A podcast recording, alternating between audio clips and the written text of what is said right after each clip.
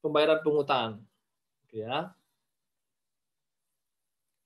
Jenis pembayaran ya itu ada dua, ada tunai, ada berkala. Ya, jenis pembayarannya ya. Kalau teman-teman mitra kepabeanan sama EO bisa mendapatkan fasilitas pembayaran berkala. Ini beda ya sama PIB berkala. Jadi pembayaran berkala beda sama PIB berkala. Hati-hati. Ya kalau PIB berkala tadi untuk yang barang curah ya, cairan, gas atau listrik yang dikirim melalui pipa atau transmisi. Untuk pembayaran berkala, ini import importasinya bukan bukan hanya untuk yang dalam pipa itu jadi semua barang bisa dilakukan pembayaran berkala apabila yang impor memang mitra kepabeanan atau AEO. Jadi barang biasa bisa pembayaran berkala ya. Kemudian tunai apabila importirnya importir biasa selain importir mitra kepabeanan dan AEO. Tapi kebanyakan teman-teman eh, mitra kepabeanan kalau saya tanya kok bayarnya kok tunai terus sih nggak pernah eh, pakai berkala? Ya, malah pusing Pak pakai berkala karena harus ada catatan-catatannya, tidak ada penaltinya kalau bayar tidak sesuai Eh, apa namanya tanggalnya melewati tanggal gitu. Jadi saya importnya impor biasa apa bayarnya bayar biasa aja. Ada importasi bayar, importasi bayar, importasi bayar. Gitu. Kalau minta bisa aja impor dulu di bulan Januari, nanti bayarnya di bulan Februari bisa sebetulnya kalau dia mau. Tapi tidak semua importir minta kepabeanan atau ayo melakukannya gitu. Dengan alasan-alasan teknis ya, alasan internal. Kemudian tempat penyetoran. Tempat penyetoran sekarang hampir nggak ada ya tempat penyetoran pembayaran dokumen. Karena anda nggak harus ke bank lagi nggak harus ke kantor bea cukai lagi kan? Bayarnya bisa pakai ATM bisa pakai internet banking bisa pakai mobile banking. Yang penting bapak ibu tahu eh, kode pembayaran atau barcode-nya kan gitu. Untuk barang penumpang atau awak pengangkut atau pelintas batas biasanya memang dilakukan pembayaran di lokasi tempat bapak ibu dilakukan pemeriksaan. Jadi bapak ibu misalnya dari luar negeri nih bawa oleh-oleh Terus nilai barangnya melewati batas pembebasan. Ya, misalnya bawa handphone, harganya misalnya 10, 10 apa namanya? 1000 dolar. Yang dapat pembebasan kan 500 dolar, berarti 500 dolarnya harus bayar. Terus bayarnya ke mana? Bayarnya biasanya di situ. Jadi petugas bea cukai nanti ada ruangannya untuk melakukan atau membuat dokumen apa custom declaration atau PIBK. Terus nanti di situ ada mesin edisi atau mesin kartu kredit. Jadi Bapak Ibu bisa langsung pembayaran di situ. Ya, tidak harus eh, ke kantor bea cukai. Sampai sini ada pertanyaan untuk jenis pembayaran dan tempat penyetoran? Kalau nggak ada, lanjut. Ya. Waktu pembayaran, ya tadi kan sudah saya sampaikan tuh di awal kalau PIB-nya PIB biasa, ya pada saat nanti apa namanya eh, PIB-nya atau dokumen PIB-nya diterima oleh sistem kan nanti keluar billing. Ya Bapak Ibu punya waktu lima hari dari keluar billing itu melakukan pembayaran atau pelunasan. Kalau enggak nanti datanya di reject oleh sistem gitu kan, balik lagi ke nol lagi cover lagi, latas lagi, pemeriksaan lagi gitu ya. Nah penyampaiannya, pembayarannya itu sebelum penyampaian PIB. Jadi kalau misalnya nggak dibayar lima hari ya PIB-nya nggak bisa diproses. Gitu. Nah untuk pembayaran berkala, tadi untuk yang IO atau MITA kan dapat uh, fasilitas pembayaran berkala. Jadi pembayarannya di bulan berikutnya, importasi di bulan Januari, pembayaran di bulan Februari. Ya, pembayarannya sebelum akhir bulan berikutnya kalau tadi ini beda sama PIB berkala, hati-hati sama PIB berkala ya. Kalau PIB berkala jatuh temponya 15 hari jadi jatuh tempo. Tapi kalau pembayaran berkala, dia hari eh, apa namanya hari di akhir di bulan berikutnya. Jadi misalnya importasi di bulan Januari, pembayarannya di bulan Februari, gitu. Sampai kapan? Sampai akhir bulan Februari, gitu. Kalau bulan Februari sampai tanggal 28, maka tanggal 28 itu harus sudah lunas semua eh, untuk PIB yang bulan Januari. Gitu. Kalau tanggal 28-nya hari libur, Berarti gimana? Berarti tanggal 27 harus sudah lunas. Ya. Importasi di bulan di tanggal 1 November sampai 20 Desember. Nah, karena ada laporan yang harus disampaikan ke Menteri Keuangan ya, setelah sebelum tanggal 20, maka pembayaran tanggal 1 November sampai 20 Desember itu harus dibayar ya maksimal tanggal 20 Desember. Ya, jadi nggak boleh eh, misalnya importasi bulan eh, bulan November tanggal 18 dibayarnya tanggal 23 eh, Desember nggak boleh. Jadi pembayaran maksimal 20 Desember ya untuk yang importasi di bulan eh, November gitu ya. Kemudian apabila tanggal 20 Novembernya hari libur, ya berarti satu hari sebelumnya harus sudah dilunasi. Waduh, maaf, mengulang Pak, saya ketinggalan. Jika sudah tetapkan di merah, pemeriksaan fisik harus paling lambat besok ya. Pak Denny di kasusnya kalau udah SP kalau udah SPJM pemeriksaan fisik harus dilakukan besoknya. Ya, kalau kantor 247 besok nggak peduli harinya apa, hari libur nasional, hari Minggu tetap diperiksa besok. Kalau dia non 247, hari kerja berikutnya harus diperiksa fisik besok. Ya. Jadi tidak boleh lebih dari besok, ya. Balik lagi ke sini. Untuk berkala, untuk importasi atau PIB tanggal 20 Desember sampai 31 Desember tidak bisa dilakukan pembayaran berkala. Artinya pembayaran PIB tanggal 21 Desember tidak bisa dilakukan pembayaran bulan Januari tahun depannya nggak boleh. Jadi PIB tanggal 20 Desember itu harus dilakukan pembayaran pada saat pengajuan PIB itu. Jadi importasi importasi biasa. Ini untuk yang pembayaran yang berkala. Ada pertanyaan dulu sebelum saya lanjutkan? Bapak Ibu silakan. Nggak ada? Oke, lanjut ya. Nilai pabean sekarang. Bapak Ibu tahu komponen untuk menghitung pungutan ke negara ya?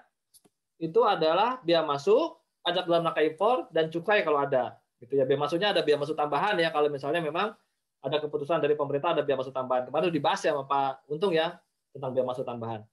Nah, perhitungannya ada menggunakan nilai pabean dikali tarif. Ya, itu apabila dia pakai yang apa namanya? Eh, sorry, uh, tarifnya tarif ad valorem ya. Tapi kalau tarifnya spesifik, dia pakai eh, jumlah jenis barang langsung dikalikan tarif.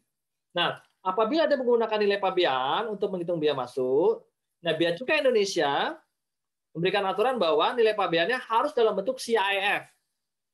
Ya, Incoterm Bapak Ibu tahu ya Incoterm ya. Jadi ada Incoterm kan yang Expo, ada yang eh, FAC, eh sorry FAS, free ownership. Ada juga yang FOB, ada juga yang CNF, ada juga yang CIF, ada juga yang DAP, ada juga yang DDP. Nah, itu macam-macam incoterm ya. Bapak Ibu tolong belajar tentang incoterm ya. Kontrak terhadap eh, apa namanya pembelian barang secara internasional. Kalau Bapak Ibu mau tahu detailnya, Bapak Ibu lihat di webinarnya tentang incoterm CBM Institute pernah melakukan webinar tentang Incoterm 2020 detil selama tiga jam disampaikan oleh mantan eh, mantan murid kita juga ya yang apa namanya merupakan pengajar juga dari teman-teman Alfi. Ya jadi menyampaikan tentang Incoterm tahun 2020 ya selama dua jam lebih. Jadi nanti teman-teman bisa lihat di YouTube eh, CBM Institute untuk melihat secara detail bagaimana sih Incoterm 2020 yang dipakai oleh Bea Cukai Indonesia, Incotermnya ada CIF. Artinya kalau Bapak Ibu nanti belum terbentuk sebagai CIF, nilai pabeannya, maka Bapak Ibu harus mencari data-data atau dokumen pendukung. Ya, berapa sih nilai-nilai sehingga terbentuknya menjadi CIF. Contohnya apabila Pak saya ekspor Pak. Gimana cara nyampe CIF? Ya Bapak Ibu harus hubungi misalnya forwarder, hubungi misalnya shipper, tanya ya berapa sih ongkos freight-nya dari eh, apa namanya muat di negara asal apa ya apa diangkut dari negara asal sampai tiba di pelabuhan tujuan berapa freight-nya terus gimana asuransinya? Asuransi di Indonesia apa di luar negeri? Nah itu harus dicari informasinya cari dokumen mendukungnya sehingga bisa kebentuk harganya menjadi CIF itu ya. Kemudian pembayaran biaya masuk ya. Tadi sudah sebetulnya ya jadi pembayaran biaya masuk nanti kalau keluar billing itu dilakukan pembayaran Pas saya bisa lakukan pembayaran nggak tanpa belum billing? Ya, jangan, ya karena dasar pembayaran itu ada kode billing. Ya, jadi kalau belum ada kode billingnya, Bapak Ibu melakukan pembayaran, nanti ditanyakan berdasarkan kode billing yang mana. Ya. Ini untuk MPNG2, ya modul penerimaan negara generasi kedua. Ya. Nah, pada saat Anda menghitung nilai pabean atau menghitung biaya masuk, maka Bapak Ibu harus tahu juga kurs pajak yang berlaku atau NDPBM. NDPBM itu singkatan dari nilai dasar perhitungan biaya masuk. Ya, NDPBM saya ulangi itulah nilai dasar perhitungan biaya masuk. Biasanya terbit setiap hari Rabu jam 00. Rabu malam jam 1 dicek tuh ya kurs pajaknya berapa gitu. Kalau malas sih besok paginya ya. Jadi cek ya kurs pajak yang berlaku ya itu setiap Rabu. Nah, Bapak Ibu pakai kurs pajak itu. Ya. Nah, Kurs pajaknya pakai kurs pajak yang mana apabila kita impornya impor biasa. Ya, kalau impor biasa ya pakai kurs pajak pada saat penyerahan PIB. Jadi pada saat transfer data PIB, nah kurs pajak itu yang dipakai dalam PIB-nya. Apabila Bapak Ibu menggunakan dokumen pelengkap ya untuk cross handling, forislah sama track losing, ya kan belum menyampaikan PIB itu baru dokumen invoice sama packing list dan BL aja untuk ngeluarin barang. Saya pakai kurs yang mana? Kurs pada saat pengeluaran barang, apa kurs pada saat penyampaian dokumen PIB? Karena kan bisa saja pengeluaran barangnya hari Senin atau hari Selasa, tapi PIB-nya saya sampaikan hari Jumat. Nah, hari Selasa kan ikut kurs yang Rabu sebelumnya. Pasal penjualan PIB hari Jumat, itu pakai kursnya kan kurs hari Rabu. Gitu. Pakai yang mana jadi kursnya? Ya, kursnya pada saat penyerahan doka. Jadi walaupun PIB-nya diajukan hari Jumat, ya, maka pakai kursnya kurs yang minggu lalu. Karena pengeluaran barangnya dilakukan hari Selasa atau hari Senin. Ya. Jadi walaupun hari Jumat, jangan pakai kurs yang hari Rabu minggu itu, tapi minggu yang lalu sesuai sama kurs penyerahan dokumen. Kemudian saat penetapan tarif dan pabean ya, ini untuk barang-barang penumpang yang barang kiriman ya, kurs pajaknya dipakai adalah kurs pada saat penetapan. Ya. Kan gini kadang-kadang eh, Bapak Ibu misalnya eh, beli barang pakai PJT, barang kiriman ya. Kan ngantri nanti tuh di DHL, di FedEx segala macam ya. Nyampe nya misalnya hari Selasa sudah nyampe Indonesia, tapi masih di gudangnya DHL terus baru masuk antrian diproses sama DHL baru hari Jumat. Ya ditetapkan sama sama pemirsa pemirsa dokumen di Soekarno Hatta hari Jumat nilainya segini kursnya. Ya berarti pakai kurs mana? Ya pakai kurs yang hari Jumat itu. Yang hari Rabu ya. Berarti bukan pakai kurs yang minggu lalu tapi pakai kurs yang sesuai sama penetapan dari PVD-nya ini untuk yang bea cukai yang belum menggunakan MPN yang belum menggunakan mode penerimaan negara elektronik. Tapi udah nggak ada kali ya semuanya udah pakai MPN situ. Ya. Saat pembayaran untuk importer biasa saat pendaftaran PIB untuk importer yang ada pembebasan atau jaminan saat saat penyerahan jaminan apabila eh, apa namanya PIB-nya menggunakan jaminan gitu ya. Jadi kursnya pada saat kurs penyerahan jaminan. Nah gimana nanti apabila dalam satu transaksi Bapak Ibu ada dua kurs misalnya harganya pakai FOB, pakai kurs US dollar. Tapi si apa tapi freight-nya karena dari Singapura, Bapak Ibu pakai freight-nya freight Singapura dolar. Asuransi beli dalam negeri. Gitu. Saya pakai kurs yang mana nih? Ya salah satunya harus dikonversi. Ya. Jadi USD-nya ke Singapura dolar atau Singapura dolarnya ke USD. Gitu ya, pakai perbandingan lah, pakai cara matematik biasa gitu. Jadi ini diperbanding terserah mau pakai yang mana. Ya mau pakai SGD berarti kurs USD jadi SGD atau SGD-nya menjadi US dollar terserah. Gitu ya. Nah ini agak pelik nih saya harus jelaskan teman-teman tolong benar-benar diperhatiin ini ini nanti eh, bisa jadi ada kejadian kenyataan di lapangan. Bagaimana apabila saya atau importir melakukan eh, pemberitahuan PIB atau transaksinya menggunakan kurs yang tidak ada di dalam SCAP Menteri Keuangan kan Menteri Keuangan itu setiap hari Rabu kan mengeluarkan kurs pajak ya. Jadi kalau nggak salah ada 25 mata uang asing. Ya, kalau salah ada 25 mata uang asing yang tercantum dalam skep Menteri Keuangan tersebut. Tapi saya beli barang ya dari import dari dari shipper yang mata uangnya nggak pakai di situ. Jadi dia di luar 25 itu. Contohnya apa ya? Misalnya saya pakai eh, dolar Zimbabwe lah gitu ya. Dolar Zimbabwe kan nggak ada yang 25. 25 biasanya apa tuh? US dollar, Singapura, yen, Japan, Swiss, pound gitu ya. Australian dollar gitu. Jadi yang yang umum-umum lah ya. Tapi kalau Donald Zimbabwe nggak ada yang di SCAP 25 menteri itu. Nah, terus gimana nih? Misalnya saya bikin PIB misalnya di hari Kamis. Nih, saya bikin PIB di hari Kamis. Saya pakai dolar Zimbabwe. Dolar dolar Zimbabwe di SCAP ini nggak ada di SCAP hari Rabu. Ya, nggak ada ya. Maka saya harus meng konversi, saya harus mengkonversi dolar Zimbabwe saya itu ke dalam US dollar. Tadi kan saya beli pakai dolar Zimbabwe. Dolar Zimbabwe nilai itu harus dikonversi menjadi US dollar. Nah, pakai konversi US dollar yang mana? Saya harus pakai kurs US dollar yang dikeluarkan oleh Bank Indonesia, ya. Nilai tukar digunakan sebagai NDPBM adalah nilai tukar spot harian fatwa valuasi yang bersangkutan di pasar internasional terhadap dolar Amerika Serikat yang berlaku pada penutupan hari kerja sebelumnya.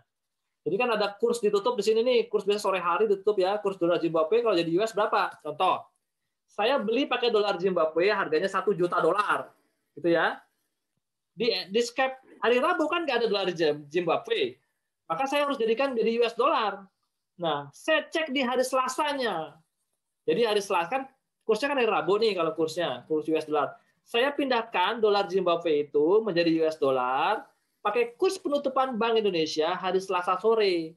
Biasanya jam 5 tuh udah keluar tuh ya kurs penutupan dari BI seluruh mata uang di dunia ini pasti ada di situ ya. Misalnya dolar Zimbabwe kalau saya kurskan menjadi US dollar dari Selasa itu misalnya jadi 120 US dollar.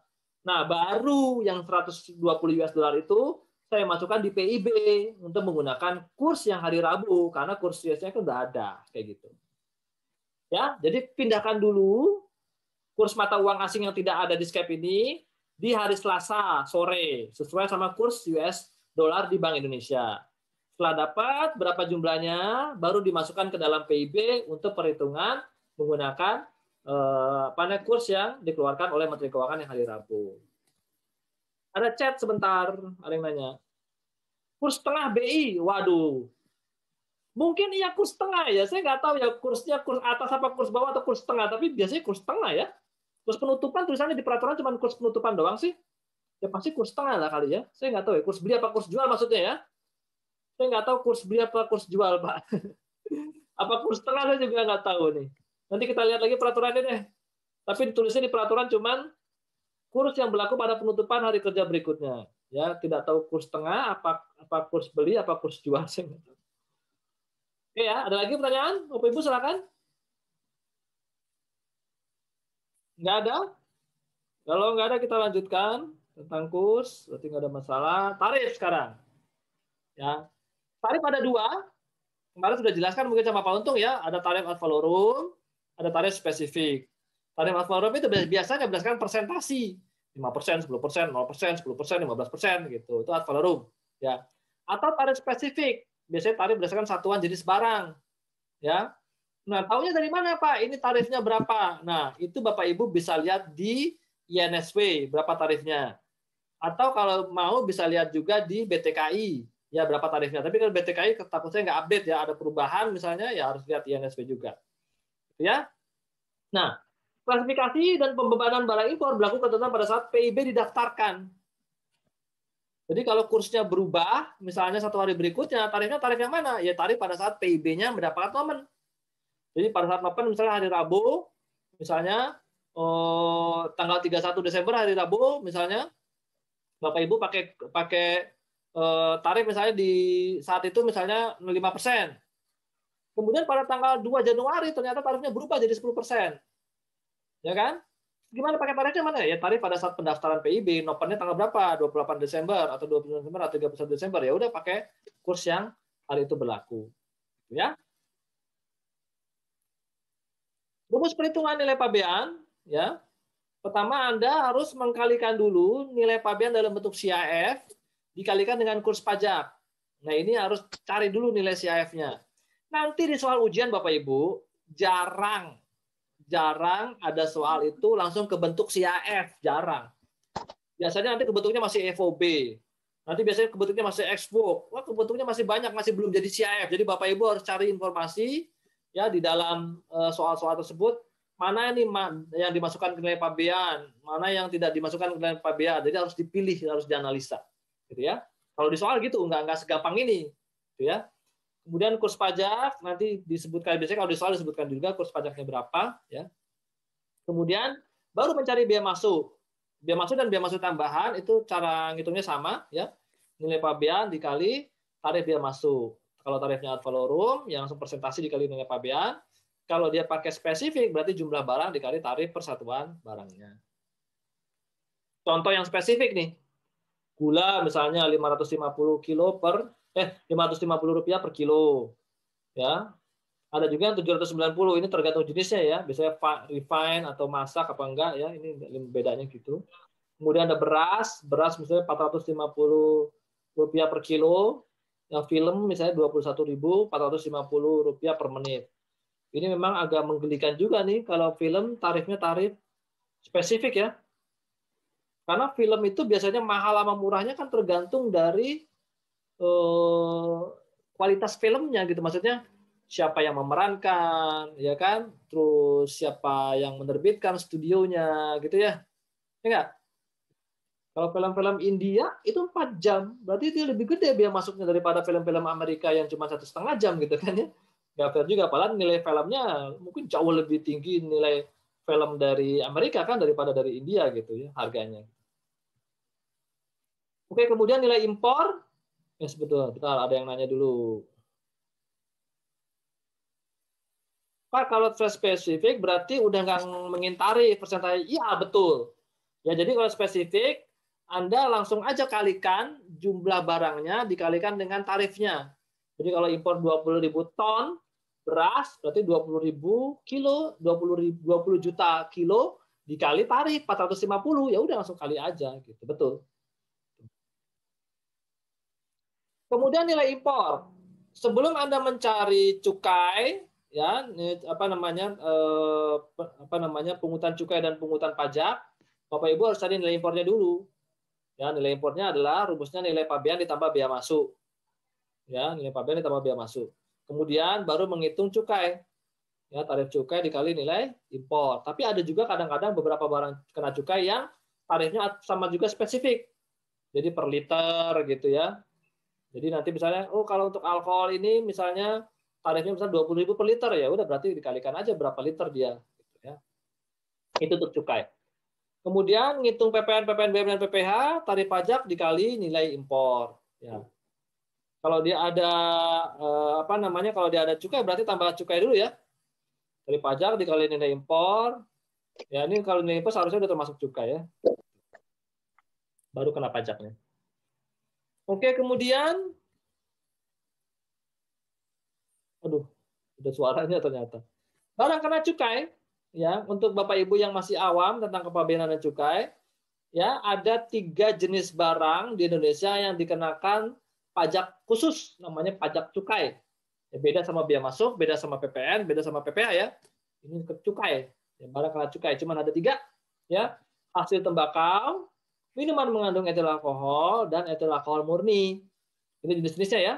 Untuk hasil tembakau ada sigaret, sigaret putih, cerutu, rokok, ya. Atau hasil tembakau lainnya untuk untuk apa eh, apa tuh namanya tuh? Eh, vape ya, vape masuk di sini nih hasil tembakau lainnya. Vape, rokok elektrik masuk di sini. Ya. Kemudian minuman mengandung alkohol dari bir sampai yang eh, spirit ya, sampai yang alkoholnya sangat tinggi. Di vodka, di whisky itu alkoholnya tinggi, semua masuk di sini. Kemudian ada etil alkohol murni, hasil penyulingan ya, itu 90% sampai 90% dan yang yang fermentasi kadar alkoholnya rendah di bawah 40%. Ini ada juga di sini. Ini barang-barang kena cukai ini aja. Jadi belum banyak di Indonesia yang karena barang kena cukai. Oh di luar negeri banyak barang kena cukai ya. Di Singapura itu bahkan CO2 dari mobil itu dikenakan cukai. Jadi ada batasnya misalnya CO2 yang dikeluarkan dari mobil misalnya berapa 5 eh, gram tapi mobil Anda menghasilkan 10 gram, nah berarti Anda kena kena cukai lagi gitu karena di luar dari batas tentukan oleh pemerintah. Oke, makanya enak ya di Singapura ya udaranya bersih ya, seger karena di sana kalau kelebihan CO2 akan dikenakan eh, apa namanya pajak tambahan berupa cukai. Kemudian ada tarif pajak ya. Untuk pajak impor itu ada tiga, ada PPN, ada PPNBM, ada PPH. Tapi PPNBM tidak semua barang ya, ini hanya untuk luxury goods saja. Jadi kalau barangnya biasa ya kena PPN dan PPH saja. PPN itu rata-rata, nggak semua nih, saya ngomong rata-rata PPN itu 10% rata-rata. Ya, tapi untuk hasil alam PPN biasanya nggak kena. Contohnya apa? Buah, sayur, segar itu ya. Buah, sayur, eh, apa nih? Daging mungkin ya, daging segar kayaknya nggak kena nggak kena PPN gitu, 10 persennya gitu ya ikan kayaknya seger nggak kena PPN 10%. Nanti dilihat lagi ya, saya nggak apa. Tapi tidak semua barang kena PPN 10%. Masih tembakau 9,1 persen, film cerita, tadi film ya 10 persen dikali 12 juta untuk per kopinya. PPNBM bervariasi tergantung dari tingkat kemewahan barang. Ini nanti dilihat lagi ya, dari skep Menteri Keuangannya, tingkat eh, kemewahannya atau tarif-tarifnya seperti apa.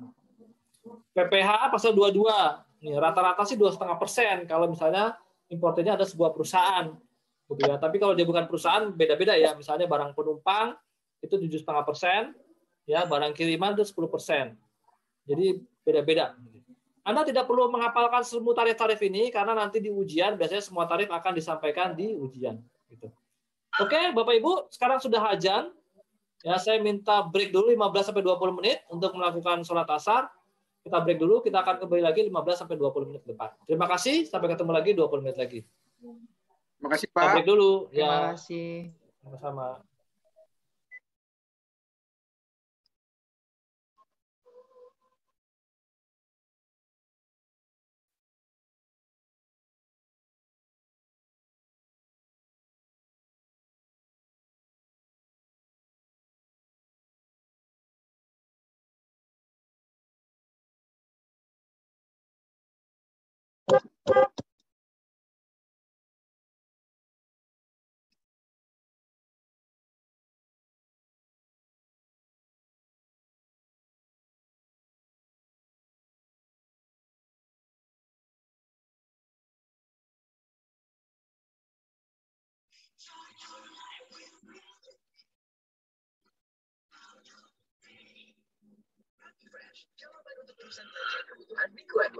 Fresh, freshly sekarang.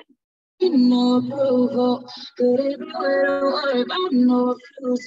Second to none, you got the upper hand. Don't need a spark to know you're a now. You're my rock, my car. The just you. Love you now, a little more tomorrow. That's how I feel. Act like you know that's wrong. Picture perfect, you don't need no filter.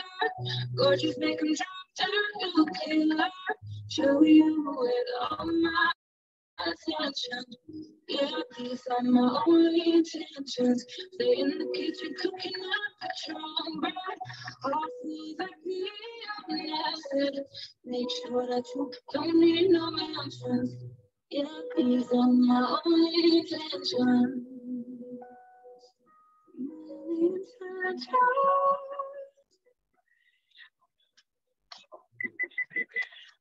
What time?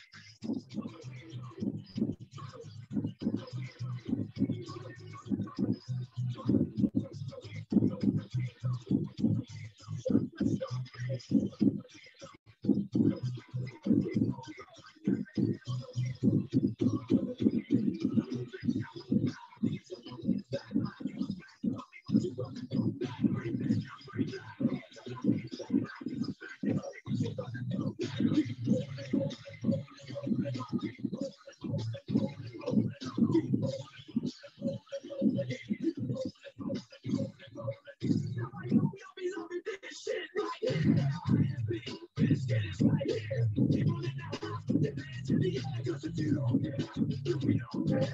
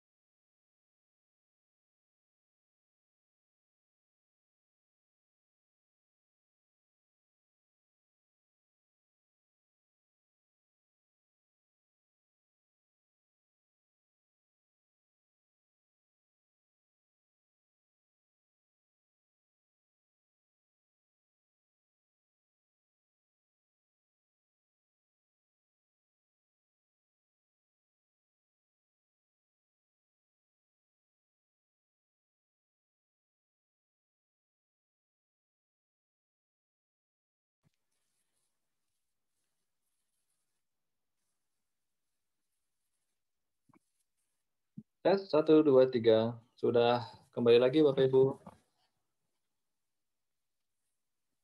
Silakan untuk teman-teman yang sudah kembali. Sudah, Pak. Kita mulai lagi. Oke.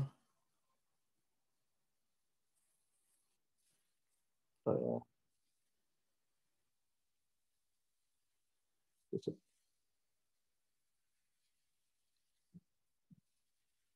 Oke, kita kembali lagi ya. Masih tentang tarif. Ya, tadi sudah bicara tentang tarif pajak dalam rangka impor itu ada PPN, PPNBM dan PPH ya. Saya ulangi lagi, PPN itu rata-rata 10%, tapi ada juga beberapa barang yang PPN-nya itu tidak dipungut ya. Itu. Ada juga yang 9,1 persen, ada juga yang 10 persennya per 12 juta per kopi. Jadi bukan dari keseluruhan 10 persennya gitu ya. Kemudian PPNBM bervariasi, tadi tergantung dari tarif barang yang diimpor. Kadang-kadang ada perbedaan PPNBM itu, misalnya karena eh, harga barangnya, misalnya dari level ini sampai level segini harganya, PPN-nya segi, PPNBM-nya segini. Nanti di atasnya harga barang yang lebih tinggi, PPNBM-nya beda lagi, gitu ya. Jadi PPNBM itu memang bervariasi. Kemudian untuk PPH, untuk PPH itu rata-rata PPH untuk barang impor biasa yang diimpor oleh importir itu biasanya dua setengah persen gitu ya. Tapi apabila dia diimpor oleh eh, barang penumpang, ya itu eh, apa namanya PPh-nya tujuh setengah persen. Ya untuk barang kiriman itu PPh-nya 10 persen. Nah apabila pengimpornya atau importirnya barang penumpang, barang kiriman, ya tidak memiliki NPWP, maka tarif PPh-nya harus sekali dua. Hati-hati teman-teman ya nanti di soal, kalau di soal nanti ada barang penghitungan barang kiriman atau barang penumpang, itu dilihat lagi apakah barang penumpangnya atau barang kirimannya memiliki NPWP apa enggak. Kalau nggak memiliki NPWP, maka tarifnya harus dikali dua. Artinya kalau misalnya dia barang kiriman, yang harusnya 10%, kalau nggak punya NPWP jadi 20%. Ya, untuk barang barang penumpang yang tadinya 7,5%, kalau dia nggak punya NPWP jadi 15% seperti itu. Oke. Kemudian untuk yang contohnya sekarang, ya. Contoh, tarif biaya masuk yang ad valorem. Tarif biaya masuk ad valorem. Contoh, mesin bubut diimpor, harganya 200 US dollar, udah CEF, kurs pajaknya 10.000 per US dollar, tarifnya 10%.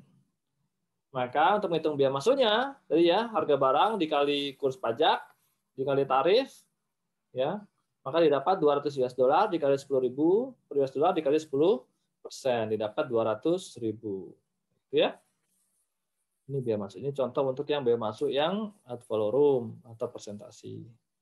Kemudian untuk biaya masuk yang spesifik, contoh ya rumusnya jumlah satuan barang dikali pembebanan biaya masuk persatuan barangnya.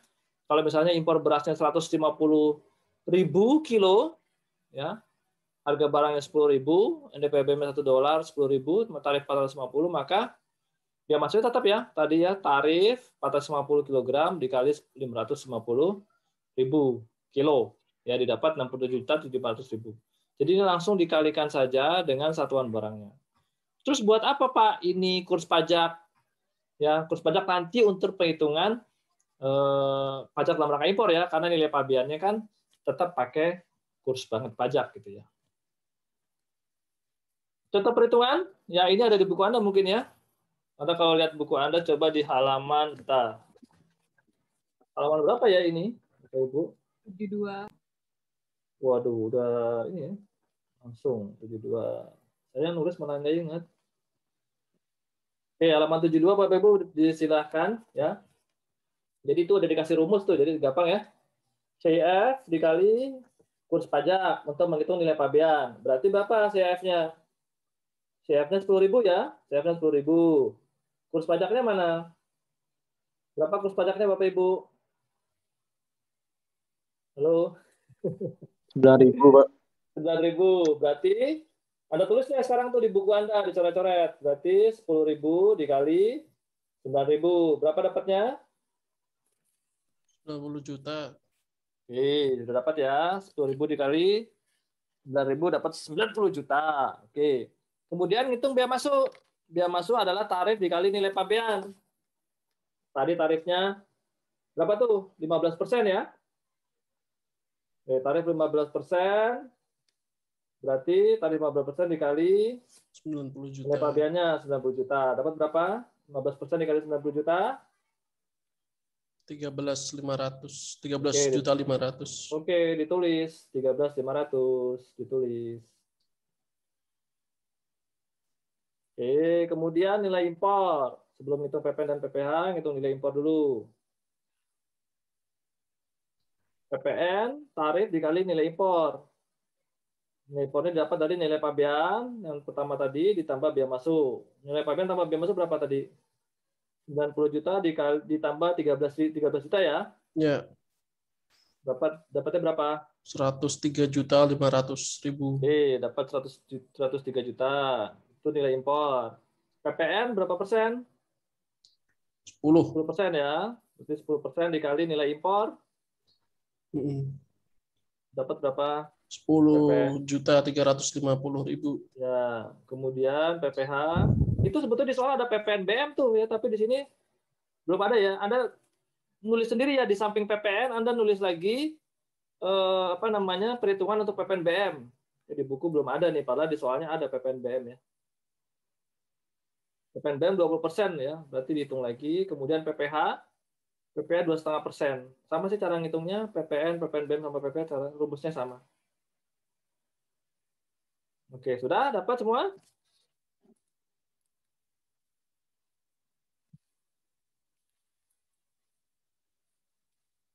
Sudah? Coba lihat di apa namanya? Di layar, disamakan. Sudah sesuai belum?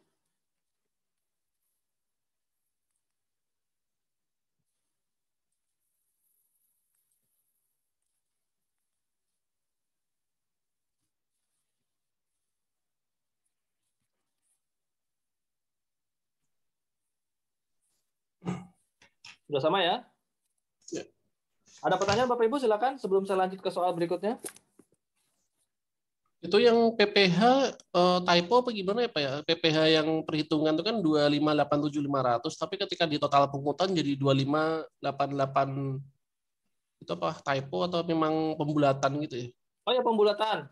Oh, Untuk yang disetorkan ke negara nanti emang harus dibulatkan 1000 ke atas. Tapi oke. kalau kalau untuk teori sih Pak, teman-teman kalau pas ujian nggak pernah disalahkan sih apabila nggak dibulatkan juga. Oh, oke Pak. Hmm, saya nanya teman-teman dibulatin nggak? Eh lupa Pak. Ya ternyata dibetulin juga gitu. Tapi untuk penyetoran nanti kalau Anda kejadiannya ya gitu kenyataannya ya Anda harus eh, membulatkan 1000 ke atas. Tapi biasanya sistem sistem akan sudah membuat itu. Gitu. Jadi Anda tidak perlu lagi eh, nambah-nambahin gitu sistem udah langsung bikin gitu. Ya. Oke, terus lanjut ke soal berikutnya. Wah, Dewa Mabuk nih. Gimana Dewa Mabuk? Ini barang kena cukai ya. Barang kena cukai berarti Anda juga harus cari cukainya dulu nanti sebelum hitung PPN dan PPBN. Saya ngitung PPN dan PPH, sorry. Oke, ngitung dulu sekarang nilai pabeannya CIF ditambah eh, CIF dikali NDPBM. CIF-nya berapa nih? CIF-nya 20.000 dolar. 20.000. 20.000 dikali NDPBM-nya 10.000. Berarti sekitar 200 juta. juta. Oke, nilai pabean 200 juta ditulis dulu di buku Anda, nilai pabean 200 juta. Kemudian kita cari biaya masuk. Tarif biaya masuknya berapa? Tarif biaya masuknya Bapak Ibu di sini? Ada nggak? Hmm, 14.000 per liter. Ah, tarif biaya masuknya 14.000 per liter. Ya. Oh, berarti ini spesifik dong ya? Iya. Ini salah nih di, di, di, di buku nih. Harusnya langsung aja dikali 14.000 dikali berapa tuh? 2.000 liter. 2000 liter. Oke, sip. Kemudian itu nilai impor dulu ya. Sip. Nanti di buku dicoret-coret aja tuh. Masih kurang tepat ya di buku. Yang untuk dia masuknya karena dia tarifnya tarif spesifik ya. Oke, sudah. Sekarang nomor tiga. Nah, ini nomor tiga untuk yang ada biaya masuk tambahan. Untuk yang ada biaya masuk tambahan, teman-teman hati-hati nih ya. Kalau lihat di soal, dia PIB-nya Anda harus kalau gini, kalau biaya masuk tambahan, Anda pertama harus lihat skep-nya dulu. Skep-nya dia tanggal berapa nih? Artinya tarifnya mulai berlaku kapan? Ya, tarif Menteri Keuangan ini berlaku kapan? Lihat sini tanggal berapa nih? Berlakunya kapan dia? Tanggal 7 Juli 2016 ya. Iya. Berlakunya tanggal 7 Juli 2016. Nah, perhatikan Bapak Ibu, ini kan ada tiga tarif nih. Tarifnya tarif spesifik ya. Ada tahun pertama 4.998.784 per ton. Tahun kedua 4.315.161 per ton. Tahun ketiga 3.629.538 per ton. Tidak dipakai semuanya Bapak Ibu. Bapak Ibu pilih dari tiga ini. Tergantung dari apa? Tergantung dari nopen. Nopen PIB-nya tanggal berapa? Lihat PIB-nya tanggal berapa Bapak Ibu? PIB-nya tanggal berapa? 8 Agustus 8 Agustus 2017. 2017. Nah, tahun yang berlaku pada saat penerbitan skep Menteri Keuangan itu adalah tahun pertama. Jadi kalau misalnya 7 Juli 2016, maka tarif tahun pertama berlaku sampai 6 Juli 2017. Ya, Hmm. 6 Juli 2017 itu berlaku tarif yang pertama, tahun pertama. Berarti 7 Juli 2017 Tahun kedua. sampai 6 Juli 2018 berlaku tarif yang kedua. Ya. Terus berikutnya seperti itu. Biasanya sih semakin lemah semakin turun tuh tarifnya. Gitu ya. Nah, kita lihat tahunnya penerbitannya ini untuk tiga tahun ya tarifnya, tapi PIB-nya masuk ke tahun kedua. Lihat ya PIB-nya kan 8 Agustus tuh. 8 Iya. Agustus 2017 berarti dia masuk dia tahun kedua. Berarti yang kita gunakan untuk perhitungan biaya masuk tambahan adalah tahun kedua. Ya. Jadi pertama, Anda jawab dulu untuk nilai pabeannya. Nilai pabeannya CIF-nya berapa nih? 150.000 ya. Dikali kurs 9.000. 9.000. Ya, berapa tuh dapatnya tuh? 90.000 Eh, 9.000 dikali 150.000 dapatnya berapa? Satu tiga. Satu tiga lima puluh, Pak. Udah dapat ya nilai pabean. Nah, sekarang Anda ngitung biaya masuk dulu, biaya masuk umum. Biaya masuk umumnya kan 20% tuh. Anda hitung dulu biaya masuk umumnya. Tarifnya 20% dikali nilai pabeannya. Udah ketemu? Dapat berapa? 270 juta. Oke. Karena Permen Q-nya terbit tanggal 7 Juli 2016, PIB-nya tanggal 8 Agustus 2017, maka menggunakan tarif biaya masuk CFG tahun Dua. kedua.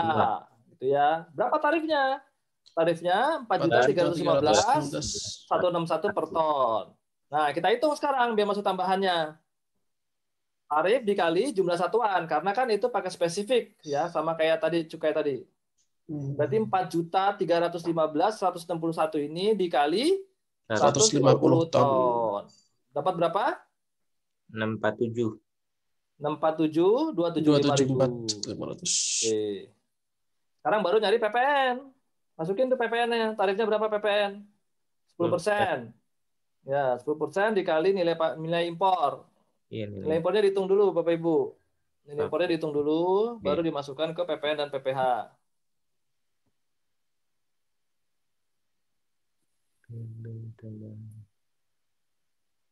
Sudah ditulis di buku ada tuh ditulis aja. Iya. Dapat ya PPN dan PPH-nya?